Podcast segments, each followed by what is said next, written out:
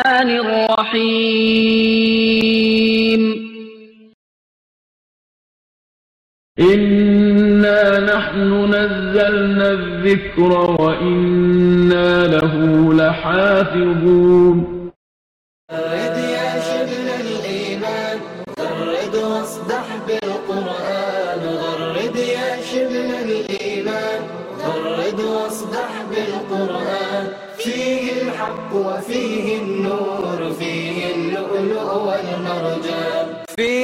الحق وفيه النور فيه اللؤلؤ والمرجان غرد يا شبه الإيمان غرد واصدح بالقرآن أتل السطر وراء السطر فالقرآن ربيع العمر أتل السطر وراء الصخر فالقرآن ربيع العمل والقرآن شفاء الصدر فيه الرحمة والغفران ونستهديه ونعوذ بالله من شرور أنفسنا ومن سيئات أعمالنا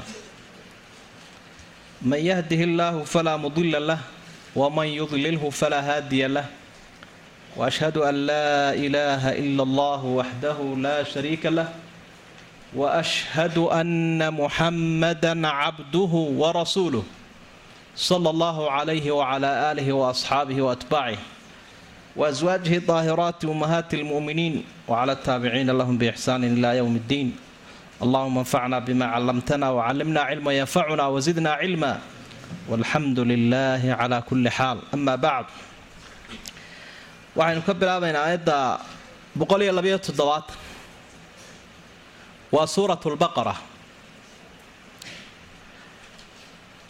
qaala allahu tacaala yaa ayuha aladiina aamanuu dadkii ilaahay rumeeyow. Kuluu cuna min dayibaati maa shay kiisa wanaagsan cuna. Rasaqnaakum aanu idinku arsaaqnayn idinku raashinnay. Washkuruu lilaah ilaahayna u mahadnaqa.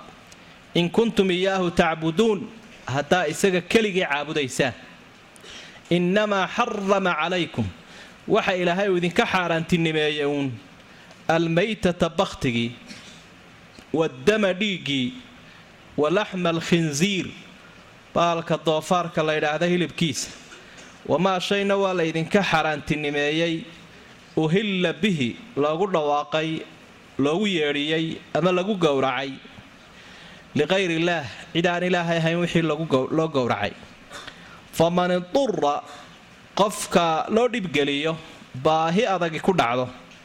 Hayra baaqin isagoo ummadda aan ku xadgudbayn. Oon dhuljiif iyo wixii la mida ahayn.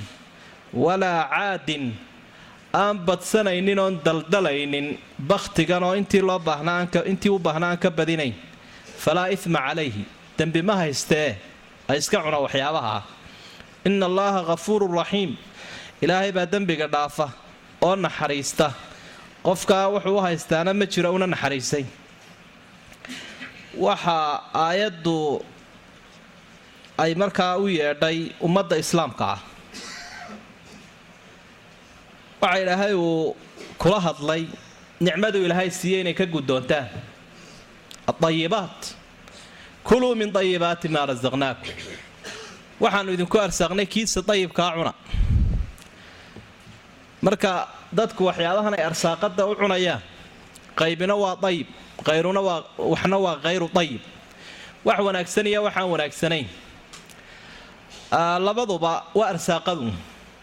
Kollaybana qofkan arsaaqada ilaahay wuu u qoray. Kollay waxuunbaad cuni lahaydee waxa wanaagsan cunbuu ilaahay leeya addoonka. Afkan la jeexay ma qadayo.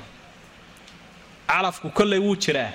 Calafka hagaaji iyadoona dhimanaynin ee kolley wuxuunaad cunayso waxaad calfanaysa iska hagaaji baa ilahay wi oo kaan ku farayaan kuu tilmaamaya waxa weye ka dayibka ah. Marka dayibku laba siyoodba dayib buu yahay. Marka hore waa waxa xalaasha ah. Xaaraantu waa waxaan dayib ahayn. Marka labaad waa waxa nafta waxu taraya ee aan waxyeello ku ahayn. Sida waxyaabihii balwadda ahaa aynu ka soo sheekaynayna labada siyoodba dayibkuu noqon karaa qul laa yastawi alkhabiiu waalayibu walow acjabaka karat lkhabiid ilaahay baa wuxuu ihi waxa wanaagsanaya waxa xuni ma sinna ka xun ee xaaraanta ah haba farabato saasaa ilaahay addoommaha uu farayoo maxaa lay dayib muxuu noqonayaa noqonayaa wixii shareecaddu u tixgelisay inuu dayib yahay oo xalaal yabaa xalaala dadka qaarkood xumaanba ha u arkeen waxa khabiiiyo khabiiahoo aan xalaal ahayn oo liita wixii sharcigu uu diiday dadka qaarkood haba u arkeen inuu yahay wax wanaagsane. Aayadda waxa ilaahay uu maaragtay sababta uu ku soo dejiyay ahayd ummaddu aragtida ay ka lahayd khabiidka iyo dayibka ama waxa ay intifaacsadaan ayay ku kala duwanaayeen qaarkood waxyaabaha dayibaadka ah iska xaaraantinimayn jireen. Oo oonta xoolaha iyo wixii xoolaha ka soo go-a iyo xoolaha qaarkood oo ay yidhahdaan sanamkaa iska leh iyo saynu suuratul ancaam ku arki doonno insha allahu aayaadka boqolyo wixii ka dambeeya qaybi markaa dayibaadkiibay xaaraantinimeeyeen. Qaybaha qaarkoodna wixii ka soo horbaxayba way cuneen. Markaasaa ilaahay u leey labadaa u dhexeeya idinku oo nafti ha noqoto mid wax kala saari karta. Waa adiga arkay adduunyada dadka qaarkood baa dadka khudradda la ydhaahdaa oo aan brotiinkan iyo hilibkan iyo waxaan cuninba sida dee hindiyadaa ku badan. Khudradaasuunoo qofkii laleeyay ma kii khudradaad ahayd mise kii hilibka cuni jiray? Maya kii khudradda? Laga ilaaliya hilibka. Dayibaadkiibuu iska xaaraantinimeeyey qayb kalena sida indha yartiya u badan yihiin weeyaane baranbariyo kabajaa wixii ka soo horbaxa. Iyaguna way ku diireen oo wax walba way cuneenoo waxay dhahaan kani brotiin ma leeyahay un noole un ma yahay un markaa labadii midna jambigaas u tego giraanta xaggan u wada qabtay midna xaggan u wada qabtay midna waxbaba muu reebinba midna wixii wanaagsanaabuu ka tegayba. Ummadani labadaasay u dhaxaynaysaa wixii liitana iskaga taga. Wixii dabciga saliimka ee wanaagsan ee gobonnimada leh uu u arkaya inuu wanaagsan yahay sharciguna xalaaleeyeyna cuna. Waa wasatiyadii wakadalika jacalnaakum ummatan wasada kuluu min ayibaati maa rasaqnaakum washkuruu lilah saasaa ilaahay uu leeyay mar walood nicmo cuntaba ilaahay uu ku farxaa nebi maxamed siduu yihi calayhi salaatu wasalaam mar kasta oo addoonku intuu wax cuno wax cabo nicmada ilaahay helo uu idhaahdo alxamdu lilaah alxamdu lilaah ilaahay baa ku farxaya kelmadda in kuntum iyaahu tacbuduun haddaa isaga caabudaysaanoo arrintan cunnadu dee xagga xalaashiiyo xaaraanta marka la eego arrinta cibaadaday ku daba leedahay oo qofku sidaa hadduu u raacana ilaahay buu ku caabuday. Ilaa wuxuu ka gudoontay sharcigiisiie haddii kalena ma caabudin. Marka haddii dadku ay ku dhex ceerceereen arrinta xalaashiiyo xaaraanta. Maxaa talow sharcigu uu xaaraantinimeeyey? Waa kan ilaahay tilmaamay markaa waxyaabihii ugu caansanaa qur'aanka dhexdiisa wixii la xaaraantinimeeyey ayaa halkan nasku uu ku xusay weliba wixii la gowracayay ilaahay wuxuu idinka xaaraantinimeeyey innamaa eraygu xasri buu faa'iideeyaa. Marka waxa weeyaan xasrigan oo kale waxaa la idhaahdaa fii cilmi lbalaaqa sida macruufka ku ah xasrun idaafi. Innamaa xarama calaykum lmayta wamaa cutifa cala almayta waxaa ilaahay idinka xaaraantimeeyey intan uun oo qura ma aha. Waayo dee wax badanoo qur'aankuna uu sheegay xadiidkuna uu sheego xaaraana baa jira. Laakiin waxa weeyaan sidaa moodaysaan waxyaabaha dadka qaarkood ay xaaraantinimeeyeen ma aha xaaraantuye waa waxaan rabbi uu xaaraantinimeeyey. Taxliilka iyo taxriimka dadka ha raacina. Laakiin siduu ilaahay u dhigay arrintaa raaca. Marka inamaadu xaggaasay u idaafaysan tahay ee dhinac walba maaha bakhtiguu ilaahay idinka xaaraantinimeeyey. Bakhtiga nebigu calayhi salaatu wasalaam wuxuu ka soo reebay laba. Waxa badda ku jira iyo bahalka kalluunka ayaxa la ydhaahdo labadaasi baa ka soo waxa baddiya waxa berriga. Kaa berrigana kaasaa xalaala. Wixii kale ee badda ku jira oo dhammina. Dee isaguna waa wada xalaal weeye. Qaybihiisa kala duwan sida culimmadu ay u badan yihiin. Haddii aanu ahayn wax caafimaad ahaan dee qofka dhibaya. Waxyaabaha qaarkoodoo sunle baa jira. Waxyaabaha qaarkoodoo intuu bakhtiyey fuuray oo caafimaadka qofka wax u dhimi karaa jira. Haddii aanu siyaabo kale dhib ku ahayn bakhtigoo dhammi isagu waxa weeyaan waa xaaraan weeye arrin caafimaad baana laga markhaati furayba oo caafimaadkuna way ka markhaati fureen. Shayga la gowracaya dhiiggan ka baxaya baa dawowa haddii kale oo dhiiggaasi uu ku hakado in cudurra laga qaadayo. Waa dam iyo dhiigga laftiisi dhiiggan xaaraamta ahay aw daman masfuuxan si ay qur'aanka aayaadka ugu tegi doonno waa dhiigga qulqulaya dhiigga qulqulaya qurumana laguma dawaynayo wax quudana lagama dhiganayo innaga waxay idhaahdaan fooxlayaashiiyo dadkaa isla yar alaashiya waxaa isla yar ridaa iyo islaamaha yar daaca iyo markay idhahdaan waxbaanu jin ka saaraynaa neef ha la qalo oo fujaan ha loo dhigo dhiigga oo dabeedna ha la cabsiiyo jinkiibaa la cabsiinayaa ile qofkani waaba teedba uma hayo maba maraysa xinjirahaniya taasi waa taa iminkana wakhtiyaashan dambe waddamada had iyo jeer. Yidhaa waxbaanu horu qaarkood waxay isticmaalaan beerka oo kale. De waa wuxuu filtargaraynayaa bay leeyihiin dawooyinkii iyo suntii qofka ku imanxayawaan ku imanaysa oo markaa maba cunaa laakiin dhiiggan baa loo dhigaa. Markaasaa la qaboojiyaa halkii beerka la geliyaa intoo la jarjaro. Marka mar hadduu dhiiggaa isagoo qulqulaya soo dhaco maya xaaraam wey laxmul khinziir laakiin nabigu wuxuu tilmaamay calayhi salaatu wasalaam dhiigga. In uu xalaal yahay laba qaybood oo dhiigga ka mida beerka iyo beeryarada laba dhiig baa naloo xalaaleeyay iyo laba bakti buu nebigu calayhi salaatu wasalaam. Labada dhiig waa beerka iyo beeryarada waxaa kaloo isaguna dhiigga xalaal ah. Waxyaabahan hilibka ku harhadha hilibka had iyo jeer marka neefkii la gowracee dee ka baxee la qalayo waxbaa iskaga harhadha marka dheriga lagu ridana wuu soo dul maraa. Maraqunbuu qayb ka mida noqdaa. Mushkilad maleh caaisha radia allaahu canha waxay leedahay nebiga waan u karin jiray inahaasina way iskaga jirjiri jireenoo dhib may lahayn. Khinsiir waa hilibka doofaarka oo waa bahal ka noqday adhiga gaalada. Gaaladiiba halkii idaha ayuu ugu jiraa. Markaase hilibkiisii cunayaan haragiisii wax ku wadwadayaan subag aad u fara badanna wuu leeyahayoo meelo fara badan bay ku soo waxeeyaan. Marka in aad looga dadkan wax soo waarida had iyo jeer. Ama keegaga ama kiriimada ama daawooyinka waxyaabaha qaar iyo saabuunaha qaar baa lagu daraa subaga doofaarka. Marka dadku iyo iska soo waaridunuuna cid aqoon u leh waxaan ku qoran iyo xarfahan la soo gaagaabiyey in runtii lagala tashado bacamsharigu ay aada uga fiirsadaan.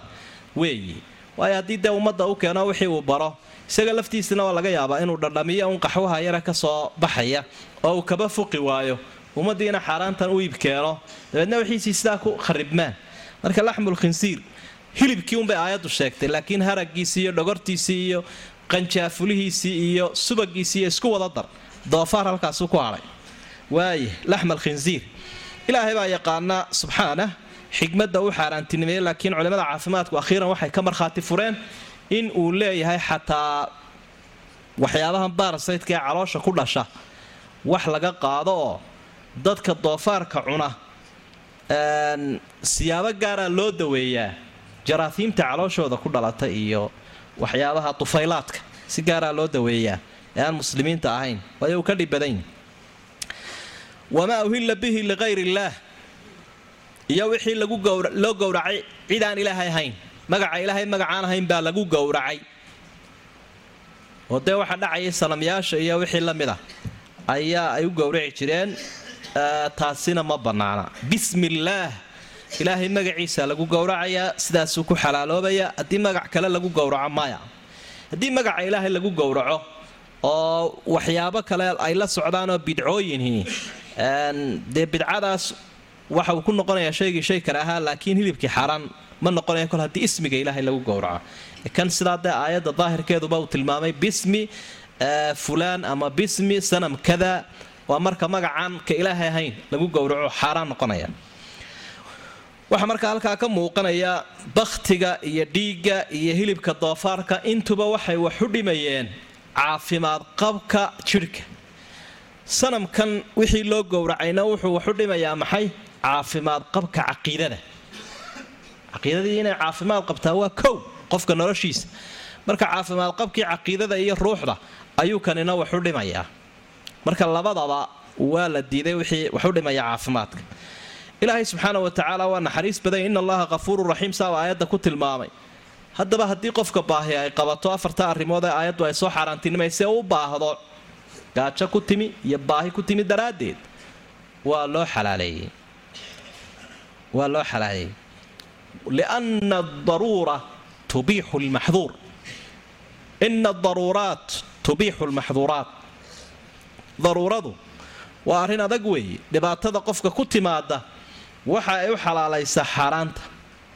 walaakina adaruurata tuqadaru biqadariha qaacidada qaacidada kalea lala akhriyayaa ku lifaaqan haddii la yidhi daruuradu waxay xalaalaysaa xaaraanta waxaa la socota qaacido odhanaysa. Aayaddana waynu ka fahmaynaaye. Waxaa daruuradaa lagu qadarayaa qadarkeeda. Ee qofkii hadduu daruuro wixii ku xalaashado ma sii daysna laakiin heer bay leedahay.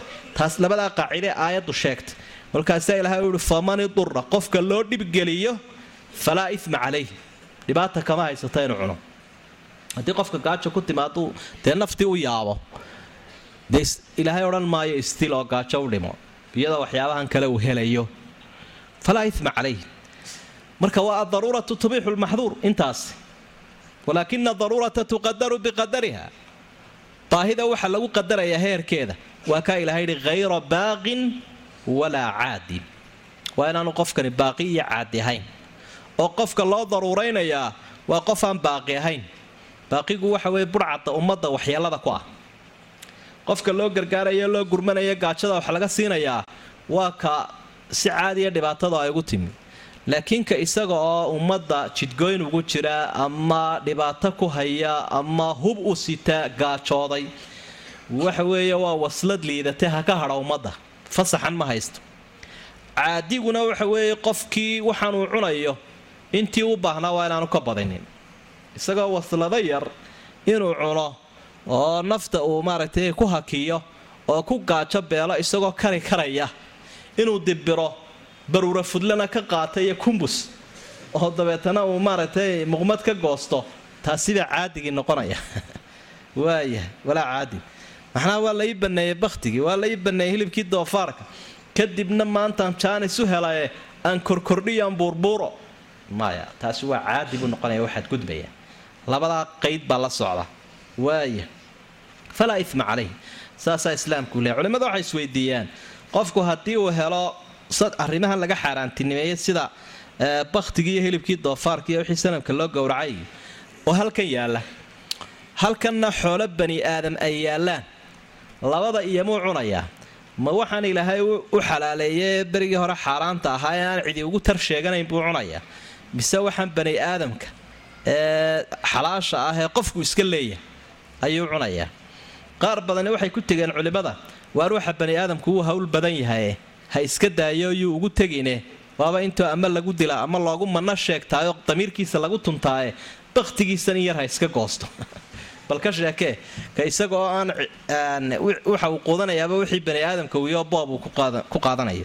Waa khatar wey ina aladiina yaktumuuna buu ilahay yidhi kuwa qarinaya.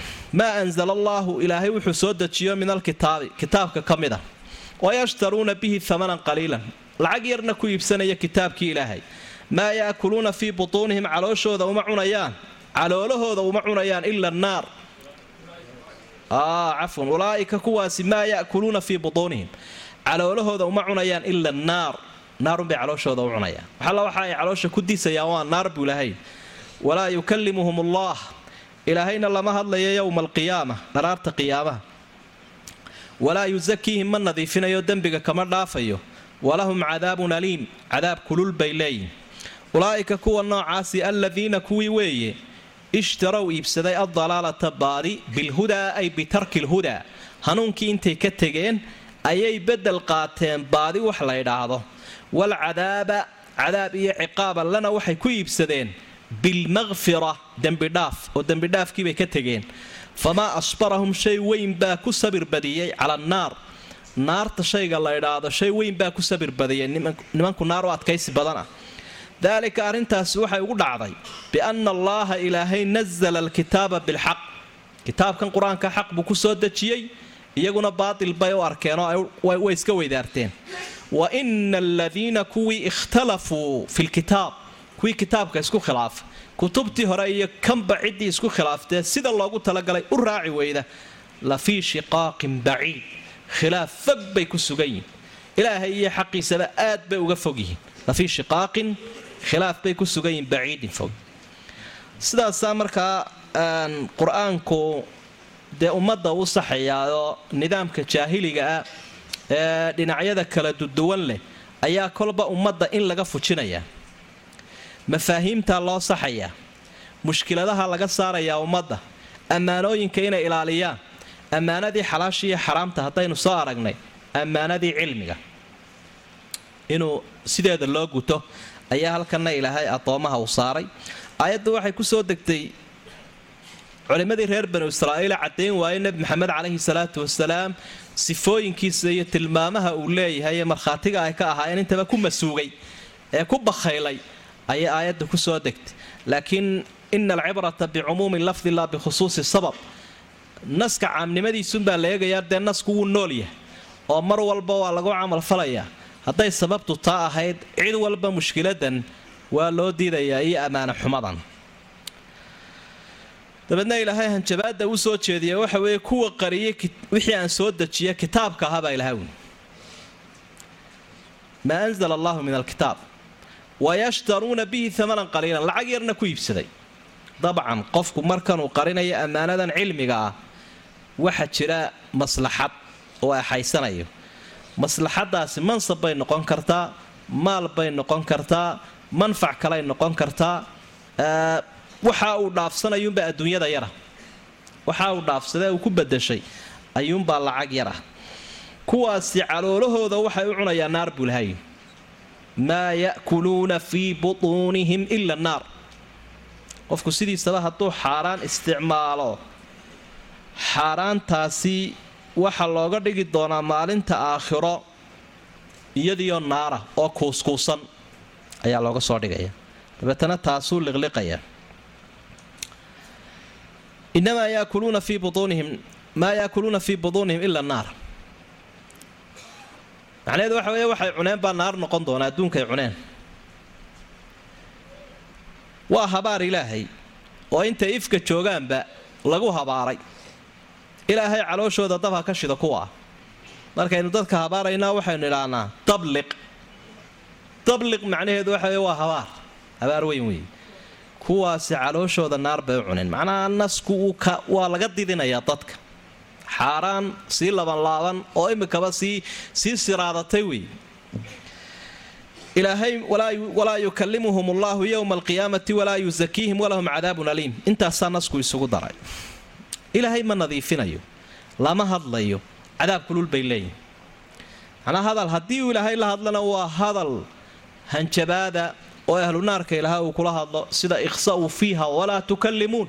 Ku fogaada naartu hayla hadlina dee dembidhaaf oo addoommuhu maalintaa ay u baahan yihiin. Waxa uu qofka ku raran in laga reebo ayuu maalintaa aada ugu baahan yahay. Taana ma hayaan.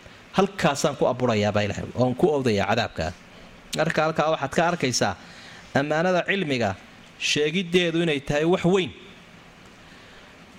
Sidaa darteed baa a'immadii salafka in badan oo ka midihii waxa ay cilmiga u sheegi jireen iyagoo ka cabsanaya aayadahan waciidka ah inay ku rumoobaan iyagoo aada uga feejigan ayaa qofku inkastaba naftiisu ha la yaraato cilmiga uu hayaanayuu badnaanin ee taasuu gudbin jiray. Alimaam qacnabi oo a'immada sheekheynka ka midabaa berigii hore uu iska musnaan jiroo nin afgaaban buu ahaa. Berigii dambe uula kala baxay oo cilmigii uu yaqaanay buu sii daayay. Maxaa kugu dhacay baa lay intii hore cimrigaaga bilowgiisa waxba maad sheegi jirine wallaahi waxa aan sawiruunbaa ii muuqday buui intuu ilaahay dadkii oo dhan soo xaadiriyay ahlulcilmigii maalinta qiyaamaha oonanna meeshii faylkii soo galay oo dabeedna la yidhi uun adigu ka joog oo maxaa ilaahay u dhacay? Amba daalibulcilmi baan ahaaye iyagu cilmigiibay faafiyeen adna waad la aamustay. Gar noocaasahun baan sii akhristayoo dabeetana markaasaan ayaan u soo banbaxay buu. Cabdilaahi bnu mubaarak caalimkaa weyn oo caabidna ahaa caalimna ahaa dee cilmulxadiidi riwaaya. Raggii ugu horraysay qoray buu ka mid ahaa mujaahidna wuu ahaa waxaa kaluu ahaa taajir. Wakhtigiisa mar cilmiguu dadka bari jiray marna jihaadkuu bixi jiray marna tijaaradda. Intaasuu isku dhexwadi jiray. Ayaa wuxuu ihi qofka haddii cilmi ilaahay uu baro oo uu dadka kaga bakhaylo saddex midunbaa lagu ibtileeyaa iyada oo aanu waxba cidi ka intifaacsanin inuu la dhinto iyo talabaadoo inuu ilaahayba ilowsiiyo laga masaxo. Mar hadduu looxtuur noqday. Iyo inuu an yaftatin bisultaan. Iyo in dadka maamulku un jeebka ay ku riteenoo jeebka ay ku ritaan. Dabeetana uu noqdo qof aan shakhsiyad lahaynoo sakhiifa saddexdaa midunbuu ilaahay ku ibtileeyaabuu cabdilaahi bnu mubaarag dhaqaalo badan buu lahaa. Sidaa daraaddeed baa intuu wadan deegaankiisa ka tago ayaa culimmada iyo muxadisiinta iyo halkaa u rixleeyaan ayuu ka daba tegi jiro lacag buu u qaybin jiray. Dabeedna qolo ehelkiisa ah ilan bani aadamka ehelkunbaa lagu ibtilayaa ayaa yidhi war waxaanaad farraqaysee dad uun la daba socoto maxaad annaga wax noogu siin weyde?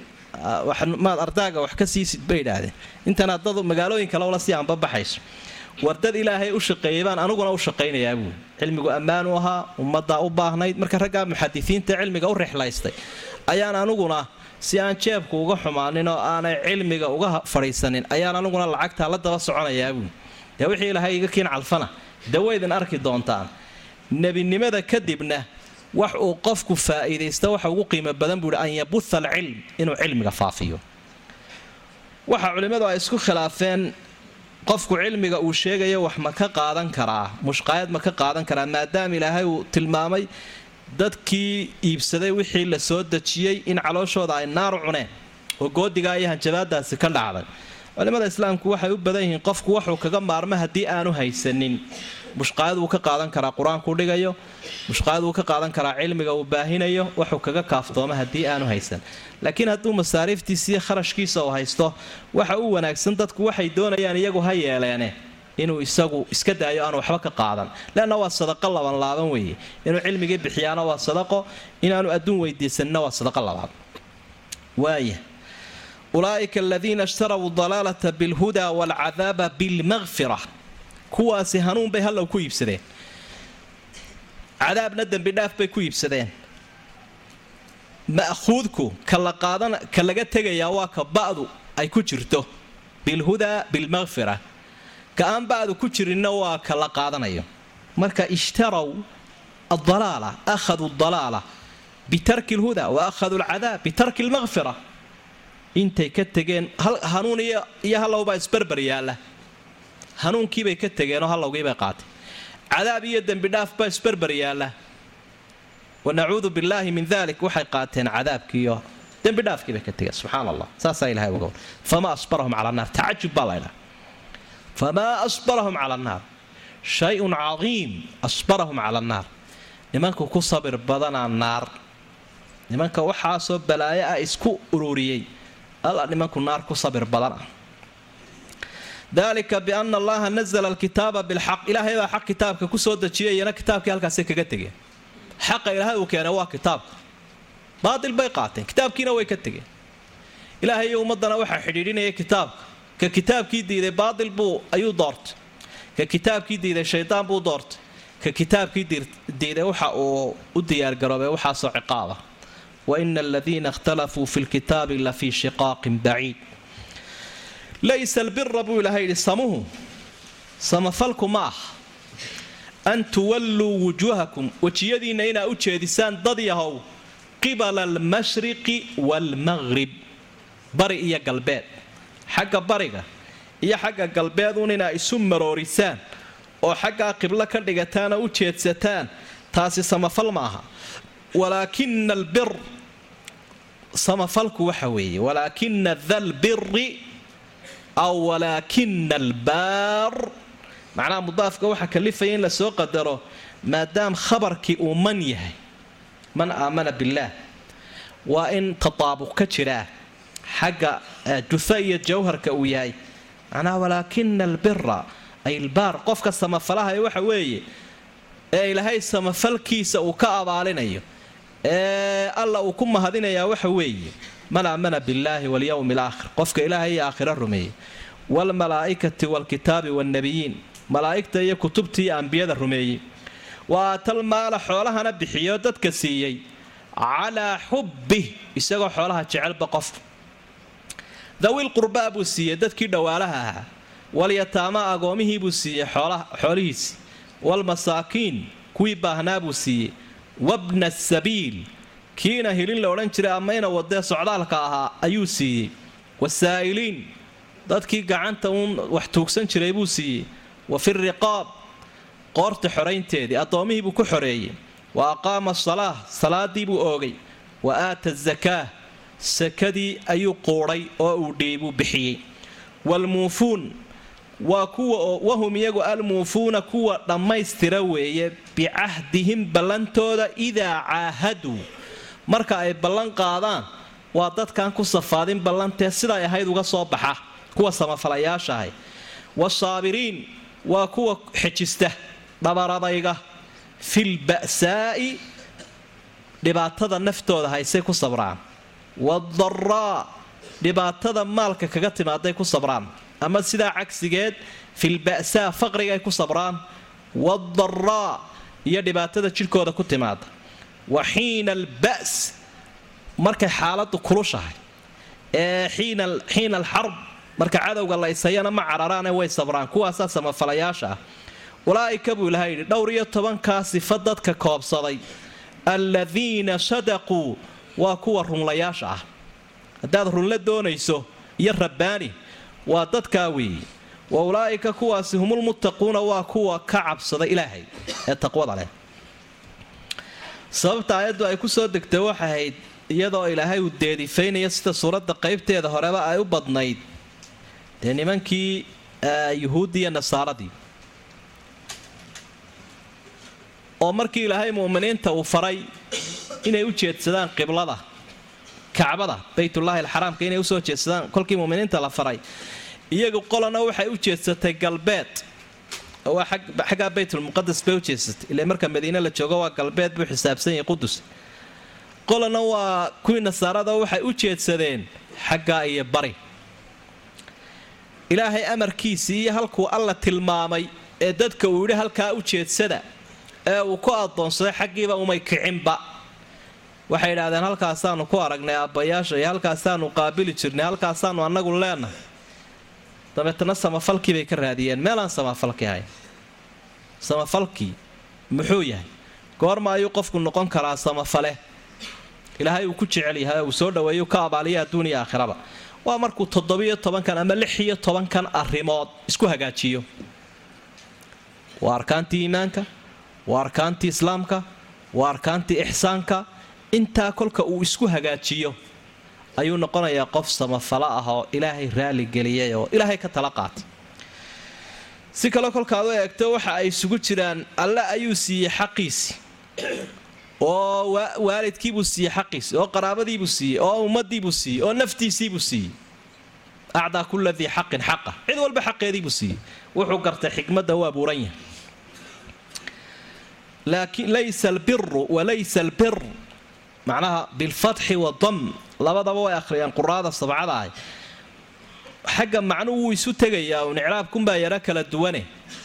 Oo qolana wuxuunay ka dhigaysaa ismigii ismu laysa qolana khabaru laysa oo muqadama a way isu tegayaan.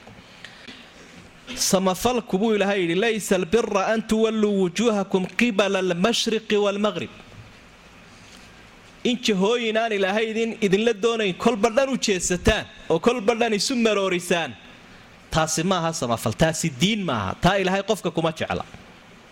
Laakiin qofka intanoo arrimoodoo ilaahay uu faray dhammaystiray qofkaasaa saadiqa qofkaasaa samafalo ah qofkaasaa mutaqiya saddexdaa magac bay aayaddu bixisa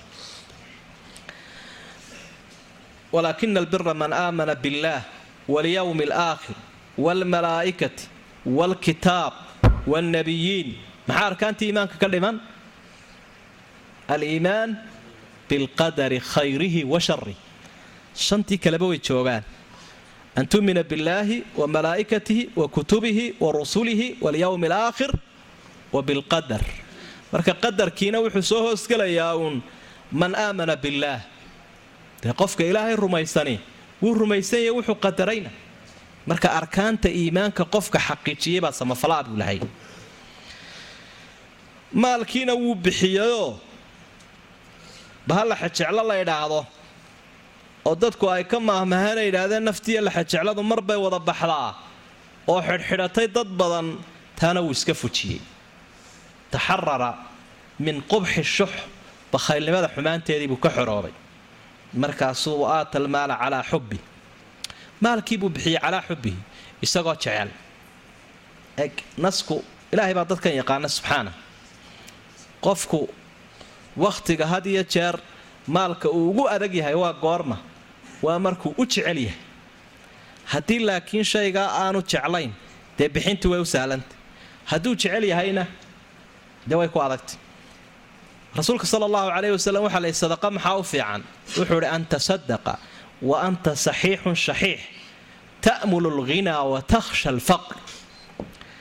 Adiga oo caafimaad qaba oo ku adaygaya oo qaninimo higsanaya oo faqri ka cabsanaya sadaqada aad bixisaabaa ta ugu fiicana. Bal waxaa ku soo ururee. Marka hore qofku kolkuu caafimaad qaba iyo kolkuu sakaraadka yahay dee isku si maaha ee kolkuu sakaraadka yahay wuu ka rajo go'ayaayoo wuxuu leeyahy hebel intaa ha loo dhiibo. Hebella intaasaan u dardaarnay waa kaa saydhsaydhmay wuu filiqtamay markaa. Leanna waa la furfuray.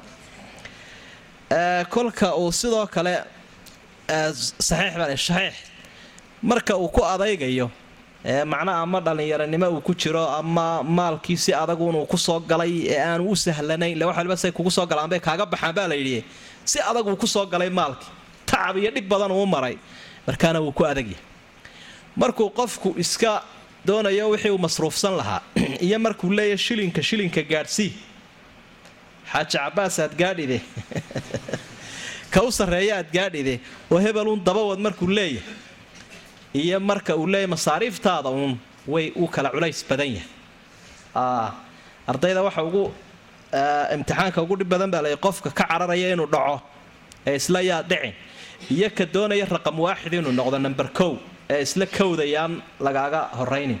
Labadaasaa ugu culays badan baa laydhaa marka qofkani heerkaasuu taagan yahay sidaasaa marka calaa xubbi ay tilmaamaysa. Calaa xubbi ilmaal isagoo maalkii jecel oo ku adag haddana dhiibaya iimaanbaa ka soo furfuraya. Calaa xubbiga waxaa kaloo culimmada qaarkood ay ku macneeyeen isaga oo jecelba miskiinka. Ile miskiin iyo dad baa ayaa meesha ku jireen. Tan aayadduba xusaysee. Oo aan isu xariifinaynin oo aan iska weynaynaynin miskiinka.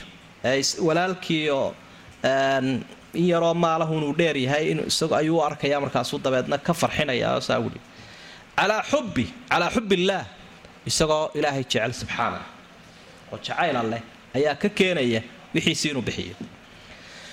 Qaraabadii buu siiyey qofka qaraabada inaga filaadaa bulshada kalena waxbuu tari. Hadduu laakiin kuwa nagta u xarfiyo cid kalena hadhu jiidi maayo. Saasaa loogu soo horraysiiyey. Agoonku waa inan inan mid kasta aadee waa qof waalidkii aabbihiina uu dhintay isaguna baahan.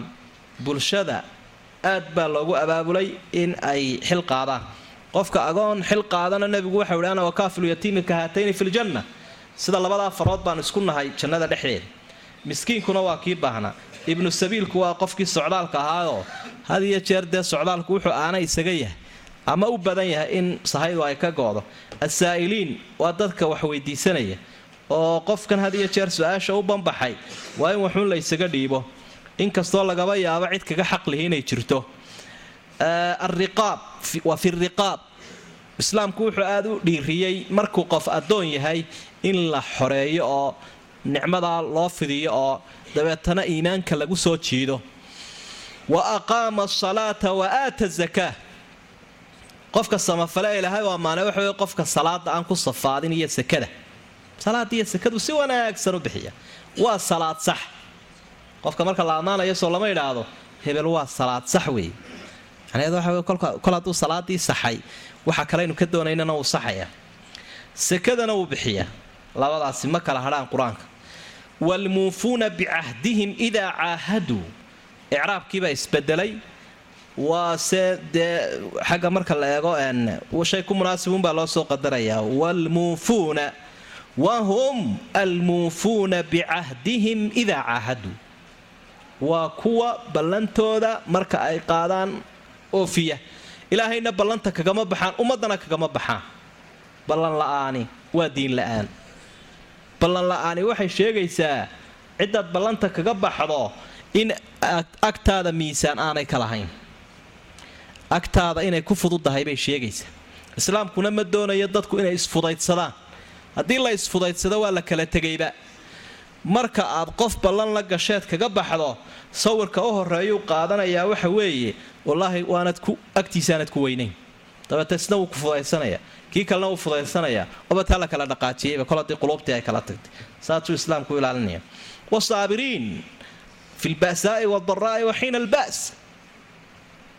qofba waxbuu ka xoroobaya qof baxayl ilaahay wuxuu ku ammaanay inuu kufriga ka xoroobay qof kale inuu ka xoroobay bakhaylnimada qof kale inuu ka xoroobay fulaynimada waa cudurrada cudurrada qalbiga ee dilaaga ee dadka kala reebay weeye ee in badan cidhbaha gooyey markaasaa ilaahay uhi alba'saa wadaraa alba'saagu waa faqriga. Bu'siga qofka ku dhacaya. Waa qof iska xejisanayooo ogsoon ka laga faramariyey maalka. Inay xikmadeeda tahy ka loo dhiibayna inay xikmadeeda tahy labaduba tijaabay ku jiraan. Ilaahay baa wuxuuhi wanabluukum bishari waalkhayri fitna haddaan shar idinku riday iyo faqrina waa fitna imtixaan. Haddaan khayr iyo maal idin siiyeyna waa imtixaan. Marka kanowna faqriga ku sabir kanowna qaninimada ku sabir.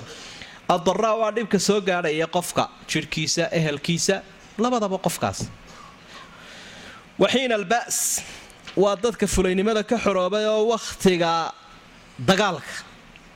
Kuwa sabra ee aan cararin ee aan col jabiye ahayn ee naftooda quudha iyaguna naftiibay quudheen maalkiibay quudheen wakhtigiibay quudheen kuwaasaa ilahay u ammaanay subxaana ulaa'ika aladiina sadaquu wa ulaa'ika hum lmuttaquun kuwaasi waa saadiqiintii aladiina sadaquu wasfiga ka dhalanaya muxuu yihi kana waa ficilkii waxa weeyaan alsaadiqiin wasidiiqiin maadadan sadaquu wman yudic illaha wrasuula faulaa'ika maca aladiina ancama allahu calayhim min alnabiyiina wasidiiqiina wshuhadaai wsaalixiina waxasuna ulaaika rafiiq waa kuwii ilahay u nicmeeyey maca aladiina ancama allahu calayhim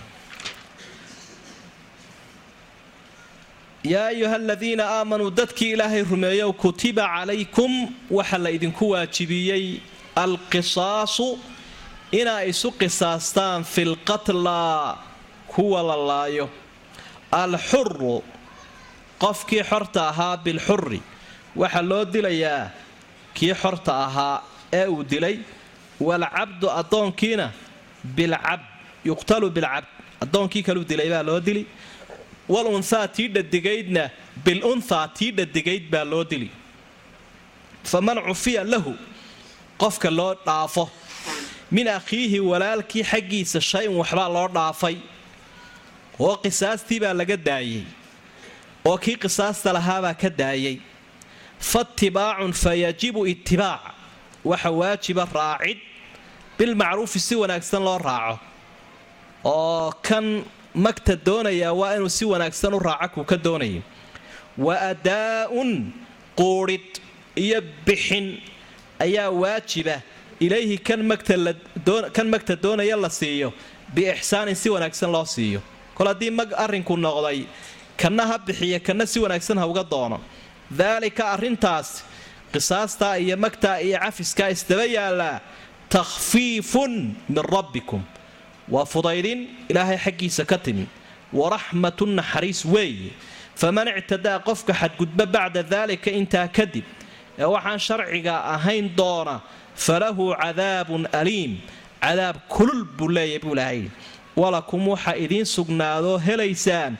Dad yahow filqisaas qisaasta dadka la isu qisaasaya ummad yahay waxa idinku sugan xayaatu nolol buu ilahay yidhi. Yaa ulil albaab dadka aqoonta leh ee waxgaradka ahow qisaasta nolol baa idinku sugan.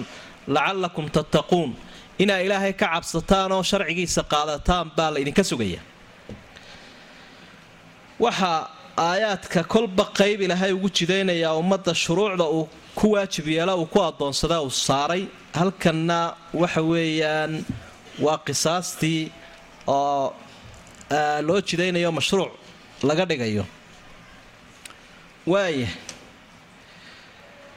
iyada laftigeedu sabab bay lahayd ay ku soo degtay aayaadkani iyo axkaamtani laakiin dee xukunku waa caam oo ilaa qiyaamaha saasaa loogu camalfalaya sababtu waxay ahayd nimankii carbeeda deganaa jasiiradda carabta iyo yuhuuddii la deganaa labaduba dhaqankoodu wuu liitay.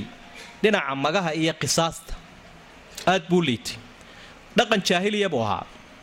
Maalan marka uu qof dilo qof kale qolada xoogga badan hadduu ka tirsan yahay qofka la dilay.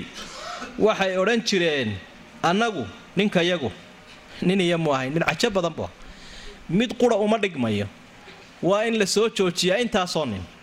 Ama kaayagu shan buu dhigmayay saddex buu dhigmayay nin mu ahayn caadiya. Marka kaa oo qura loo dili maayee qaar ka badan baanu rabnaa. Haddaan noo soo qaban weydaanba annaba waanu idinka goosan.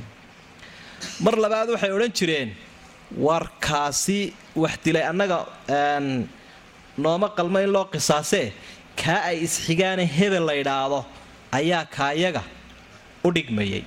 Cadad badan ma sheegayaan laakiin waxay leeyihiin kaasi. Waa mid ducufahoo liitay kaa kaayaga ku dhagarwoobay laakiin hebel baa u dhigmayo idinka mid a saasay odhan jireen. Waa tanay soomaalida reer hebel yaa laga dilaabay innaga idhaa reer hebel yaa ka dhaqaaqaya eh laga dilaa. Macnaha keebaa u wanaagsan weeye. Halkaasay dhaqankaa jaahiligaay ku dabaleeda mar kale waxay odhan jireen war annaga haddii addoonna laga dila haddaanu reer hebelnahay addoonka yagaas wuxuu u dhigmaa mid xorahoo idinka ah. Sida kalena way u rogi jireenoo waxay odhan jireen addoonka yagaaba ka sarreeyaba kiina xorta ah. Gabadhayada ayaa ka sarraysa ninkiinna. Waxaasoo kala noocnooc oo fara badan oo aarsigiina ka mid yahay ayaa jirayay saasaa loogu xadgudbay marka sida sharciguu yahay baa ilaahay halkan uu soo rogay. Ugu horaynba waxaa ummadda ilaahay uu faray in la jideeyey oo waajib ay tahay oo sharcigii macnaha lagu qoray qur'aanka dhexdiisii qisaasta mashruuc inay tahay qisaastu walakum fi lqisaasi xayaa. Kutiba calaykum alqisaasu fi lqatla dadka la laayo waxa waajiba in laysu qisaaso labadii xorta ha laysu dilo labadii addoon ha laysu dilo labadii dhadig ha laysu dilo. Qofka wax loo cafiyo ee qisaastii laga cafiyo intoo qisaas lagu yeeshay laga cafiyo ee mag laga doono si wanaagsan ha loo raaco oo yuu dee dhibaato ku keeninkii cafiska qisaasta sameeyey yidhi mag baan kaa doonayaa haddaba galo si wanaagsan ha uga doono. Kan laga doonayaana si wanaagsan ha u bixiyo waa adaaun ilaahi biixsaan aayadda waxaa ilaahay uhi arrintani waa fudaydin ilaahay xaggiisa ka timi oo marka nidaamkaa jaahiliga la eego iyo tan ummaddu u siman tahay kolka la eego dee waa fudayd. Kolka ummadihii hore la eego nimanka yahuuddaa waxaa jiraysa un qisaasta. Magi may jirayn iyo cafis. Kolka kiristanka la eega iyo diintii nasaarada magunbaa jiraysa qisaasi may jirayn laakiin saddex arrimood baa nasku isbarbar dhigay qisaastii iyo magtii iyo cafis inuu labadaba qofku cafii karo. Dalika takhfiifun min rabbikum. Waxa ilaahay uu ku sii xigsiiyey qofka sidaa sharcigu uu yahay. Iskala weynaada qancin weydo. Cadaab baa ilaahay uu kaga argoosanaya faman ictadaa bacda dalika falahu cadaabun aliim. Waxa ilaahay ummadda uu si mar labaad ku soo celiyey qisaasta ay diidayaanay karaahiyaysanayaan noloshoodu inay ku jirto. Walakum fi lqisaasi xayaatun yaa uli lalbaab lacalakum tattaquun sidaasay tahayoo waxaa culimmadu ay isweydiiyeen oo haddii maalan qofkii la dilay kii dilay laga daba dilayo. Noloshaasi xaggay noqonaysa. Maalan mid baa wax dilay kii dilayna waa laga daba dilay labadiiba way ka socdeen talo noloshu waa xaggee. Dee noloshu ma aha oo keliya labadan qof. Nolosha ummaddu way isku wada xidhantay min ajli dalika katabna cala bani israa'iila annahu man qatala nafsan bigayri nafsin aw fasaadin fi lard fakaannamaa qatala annaasa jamiican waman axyaaha fakaannamaa axya annaasa jamiican qofka qof dilaa ummaddii oo dhan buu wada dilay ka dhigantay qofka qof badbaadiyaa ummaddii oo dhan ayuu wada badbaadiyay marka halkaa waxaa ka muuqanaya nafaha bani aadamku inay isku xurmo yihiin xurmo iyo karaamo iyo xaq keliya wada leeyihiin qofku hadduu qofkan dilay hadhu jiidi maayo inta kale. Gidaar ku gudbanaa buu jabiyayoo wax alla wax inaga joojinayaa ma jiro. Kol hadduu bareygii soo goostay siduu kan u dilay buu kuwa kalena u dilaya marka haddii labadaasi israacaan intii kalea joogsanaysa. Labadaasi tege laysu dilay laakiin intii kale ayaa cashar ku qaadanaysaoo dib bay u joogsanayaan. Noloshaas waa runtii waaqaca kolka la eegana waa wax laga markhaati furayo.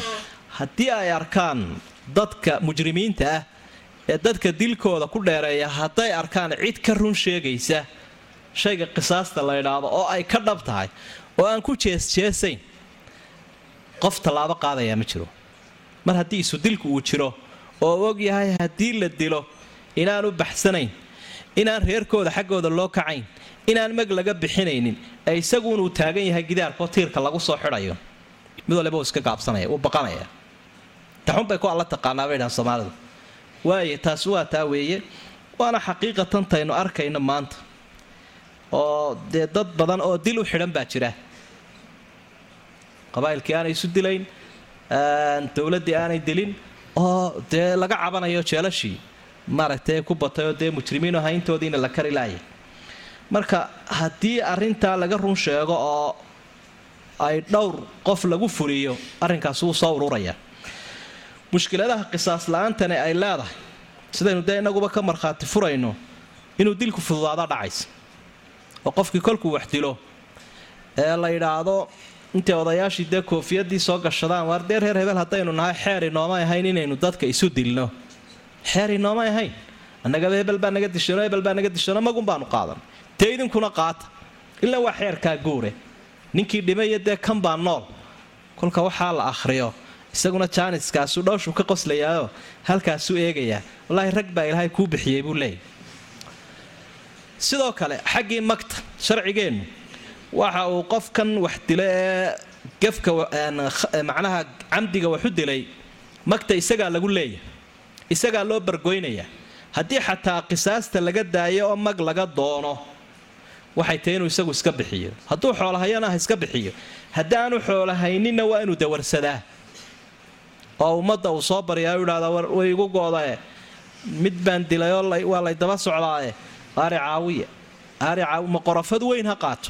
Oo ha loo soo buuxiyo marka liyaduuqa wabaala amrihi dhibaataduu geystay qadhaarhkeeda si uu dhadhamiyo laakiin kolka intuu wax dilo oo qof muslima uu dhiiggiisa galo halkaa uu kayntaa iska galo reerkoodii uu iska dhex tago iskaga qayilo. Dabeedna magtiina laga bixiyo oonu magna bixinin xabsina arkin ciqaabna arkin muxuu ku daynayaa aroortu haddana soo cabaysanaya isuu le wallahi inaanu waad nagu meeraysanaysaa gambagamba u bixin doono dhiiggaaga gambagambaan u bixin doonaa buu kuleeyahy aniga gambadaasa igu soo hagaagaysa. Wallahi waa mushkilad qaa'imahoo jirta wey sidoo kale qofkani qofkani waxa weeyaan xagga sharci ahaan kolka la eego waa waxaa sharcigu ka duulayaa inuu arko wax xaqiiqa ahoo jira. Mararka qaarkood bay qisaastaasi timaadaan laakiin dee dadku ay arkayaan wax sii soconaya inaanu ahayn. Saa darteed ma hirgasho. Waxaynu yaro xusi lahayn xoogaa haddaynu taa baraarujinay mushkiladayna haysata way haddii la doonaya mushkiladda dilku inay yaraato dad kooban un hala dilo hala qisaaso. Qabaa'ilkuna ha soo xidhaan gobonnimadu waxay ku jirtaa adigaaga ninkan qaatilka ah ee wax dila ay isku reer tihiin. Waxay ku jirtaa isaga inaad qabato. Haddii kale adaa u dhimanaya adigaagaa qariyey ee yidhi swidhen ama maxay ahayd? Skandinafiyanka ha looga soo diro baasaboor ninkii waa la baadi doonayaa reer hebel buu mid ka dilay. Ha loo soo diro baasabooroo ninkii hala kharash adigaagaa yidhi unbaa u qoolan oo aanadiisa u dhimanaya.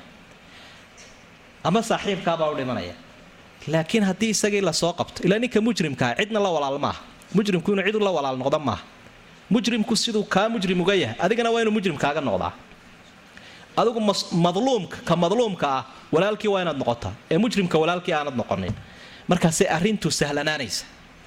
Laakiin haddii kale dee jiradaa dheerunbaa lagu jiraya. Iyo tiiha iyo wareerka iyo waalida. Nabadgelyaduna runtii ma sugmayso haddii dadka mujrimiintii seeta dheeraynta ay helayaan in yaroo axkaamta dilka haddii aynu sii xusno oo halkan aayadda maaragtay culimmadu ay sharxayaan qofkii xorta ahaa iyo addoonkii. Ma la dili karaa iyaga? Culimmadu maya bay leeyihiin qofka addoonka ah looma dilaya kii xorta ahaa sidoo kale kii gaalka ahaa isagana. Xadiid saxiixa baa ku soo kii muslimka ahaa ee dila ciqaab kale unbuu yeelan doonaa looma dilayo. Laa yuqtalu muslimu bikaafir waxa kale oo culimmadu ay ka hadleen ninkii iyo gabadhii. Alunhaa bilunhaa bay aayaddu ay sheegtay. Waxay culimmadu isla waafaqsanyiin ama intooda badaniba ay qabaan haddii ninkuu gabadh dilo in loo dilayo. Xadiidkii saxiixa bukhaari ku sugnaa buu nebigu ku yidhi almuslimuuna tatakaafa'u dimaa'uhum. Dadka muslimiintaa dhiigooda wuu isu dhigmaa raggoodii iyo dumarkoodaba. Haddii sidoo kale xubnaheeda qaar ka mida uu gooyo ruuxa dumarka ah isna waa loo jari uun waxay culimmadu isweydiiyaan waalidkii hadduu waladkiisa ku dhagaroobo odaygii islaantii mid kasta ha ahaado aabbihii iyo awowgii mid kasta ha aadee ma loo dilayaa? Waxay culimmada islaamku u badan yihiin maya way aad bay u adag tahay waalid dilay waladkiisa hadduu dilana meesha waalli unbaa ku jirta naxariista hayse oo fara badan daraaddeed way adag tahay ama way yar tahay siduu u dilo. Laa yuqaadu lwaalidu bilwalad xadiidkii xasankaa tirmidi ee mashhuurkaana saasuu tilmaamaya. Haddii kooxi ay wada disho qof keliya ma loo qisaasayaa? Mise laxajacla iman doontooo waxaa la odhanayaa tobankan qoftee qof keliya ayaan loo dilina haynoo joogeen. Ase reer galbeedku imika ay idhaahdaan. Waxa dilka la idhaa in naga joojiyo oo xabsiya waxaasuna laga dhiga bay dhahaan laakiin iyaguna way dilayaan dee markay doonaan. Ka muslimka helaan way dilayaan. Haa hadday labaatan qof hal qof dilkiisa isugu yimaadaan waa la dili doonaa. Wa katabnaa fiiha ana nafsa binafs aayadaasunbay soo gelaysaa suuratulmaa'ida ku sugan. Magaalada sanca la ydhaahda yaman ku taalla toddoba ninbaa hal nin wada dilay wakhtigii cumar ibnukhadaab radia allaahu canhu. Toddobadiiba intuu soo qabtay buu qoorta u dheereeyay markaasaa wuxuuhi idinku toddobaa la yaabsantihiine magaalada sanca dadka ku nooloo dhami hadday hal qof dilkiisa isugu tagaan anugu kurtan ka wada jari lahaa buu cali bnu abi aalib sidaasoo kaleu ahaa nimankii khawaarijta la odhan jiray. Waxay dileen ninkii la odhan jiray cabdilaahi ibnu khabaab. Ayay dileen dabeetana khawaarijta waa kii dagaalka ku qaaday. Qisaastu habkeebay u dhacaysaa ma qofku wixii uu ku dilay unbah mise si kalea loo dili karaa? A'immada qaarkood sida imaamu shaafici iyo imaamu maalik waxa ay leeyihiin qof waliba wuxuu wax ku dilay ha lagu dilo.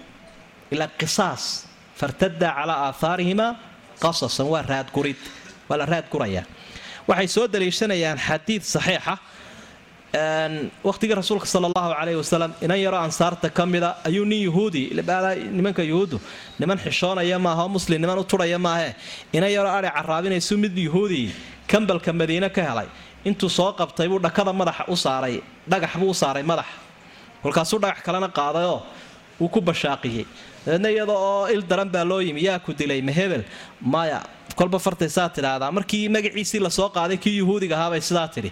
Markaase haddana dhanka kale loo dhaafiyey. Isaga marka lagu soo celiya bay leedahay haa isagiibuu nebigu soo qabtay dhakaduu dhagax u saaray markaasuu ku bashaaqiyey. Tilka bitilka marka waxay leeyihiin xadiidka inagoo ka duulayna dee waxaa qof walba lagu qisaasayaa wixii uu wax ku dilayuun a'immada qaarkoodna waxay leeyihiin me muhiimaddu waxa weeye in qofka nafta uun laga jaraa seef iyo rasaas iyo wax kale waa lagu isticmaali karaa. Qofkan maalan wax dilay magta xagga magta ma inuu ogolaadaaba marka laga qaadayo mise magta ogolaanshaheeda kan qaadanayuunbaa shardi u ah. Sida raajixa waxa weeye ikhtiyaarka waxa leh. Qofka wax laga dilay ee kan dhintay dhiiggiisa leh waman qutila madluuman faqad jacalnaa liwaliyihi sulطaanan falaa yusrif fi lqatl inahu kaana mansuura awood baa isaga la siiyey laakiin kan waxba laga weydiin maayo isaga qisaasta laga cafiyo layidhi magta bixi oo haddii laydhaa hebelow qisaastii waa lagaa cafiye magta bixi oo idhaahdo may qisaasta halay mariyo waxba laga dhagaysan maaye xagga magtunbaa loo gudbi doonaa waayahay sidan aayaddu ay sheegaysa faman ictadaa bacda dalika falahu cadaabun aliim. Qofku intuu magtii qaato kii uu magta ka qaatay hadduu dilo xukunkiisu waa maxay culimmadu waxa ay u badan yihiin in la qisaasayo. Mar hadduu tanaasulay oo qisaastii uu ka hadhay oo uu mag qaatay oo haddana dilay sidaa aayaddaba ilaahay uu ku sheegay cadaab kulul buu leeyahy adduun iyo aakhiraba tiirkaa lagu soo xidhaya. Isagaba waxbaa laga dilay ma jirto qisaasta yaa fulinaya. Qisaasta madaxda ummadda iyo mas'uuliyiintaa fulinaya. Laakiin raciyaddu ma fulinaya. Haddii la idhaahdo dadka idinku isqisaastaoo iska goosta. Dee halkay marayaan qofku waa macruuf kana u soo joogsan maayo. Kana xadgudub dayn maayo. Saasay a'immada muslimiintu isla waafaqsan yihiin. Kii wax qisaasi lahaa laftiisa haddii qisaas lagu yeesho ka waran culimmada islaamku waxay isla ijmaacsan yihiin in isna la qisaasayo. Kii madaxweynaha muslimiinta u ah haddii qisaas lagu yeesho dee isnaha laga jaro ummadda kale ha ka jarto qisaasta ilaan isagu wax kale muu dheerayna shaqaaluunbuu ahaaye. Ummaddan u shaqaynaye wax awoodahoo kaleo uu leeyahy may jirin wixii ummadda lagu leeyahaa ayaa isna lagu leeyahay. Garsoorka way u siman yihiin raciyadda iyo iyo mas'uuliyiinta labada way u siman yihiin. Nabiga calayhi salaatu wasalaam ninbuu maalin si uga dhacdayba ulbuu ku yara gujiyey. Ninkiibaa dabeetana qayliyoo yidhi inaan kaa goostaan rabaa.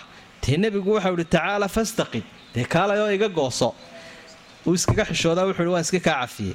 Cumar ibnu khadaab wakhtigiisii haddii cabashada ku badatay wuxuuhi war madaxdayda gobolladan idiin soo dirayo. Ugumaan talagelin inay jidhkiisna garaacaan. Qofka jidhkiisa la garaaco dhib lagu sameeya aniga ha ila soo xidhiidha buuhi aniga ayaa ka jari doonee. Mid kastoo badhasaab sheeganaya. Cumuuman axkaamta dilka ayay inahaasi ka mid ahayd. Haddaynu ereyada ku celinno faman cufiya lahu qofka loo cafiya buu ilaha yidhi min akhiihi shayan walaalkiibaa wax looga cafiyey macnaha kani waa kii qisaasta geystay. Walaalka ka cafiyayaa waa kee waa ka islaamnimada ku walaalahayeene qisaasta ku yeeshay. Ee kan dhintay ay isxigeen. Ayaa yidhi qisaastii waan kaa cafiyo mag baan kaa doonaya. Maxaa la gudban haddaba kan qisaasta cafiyey? Fatibaacun bilmacruuf si wanaagsan inuu raaco. Oo aanu hanjabin oo aanu odhanin waabaanu kaa goosan doonaa ama waanu ka qisaasan haddaad magta bixin weydo.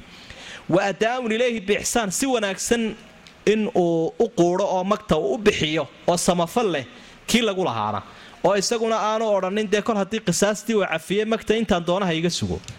Kana si wanaagsan ha u dabagalo kana si wanaagsan ha u bixiyo. Ilaahay waxa uu leeyahy sharciga isagoo ka warramaya dalika takhfiifun min rabbikum waraxma waa fudayd shareecaddu qofka sheega shareecaddu inay qallaftay adag tahayna waa jaahilaan sirta shareecaddaba fahmin weeye. Jahli baa haya walmar'u caduwun limaa jahila canhu.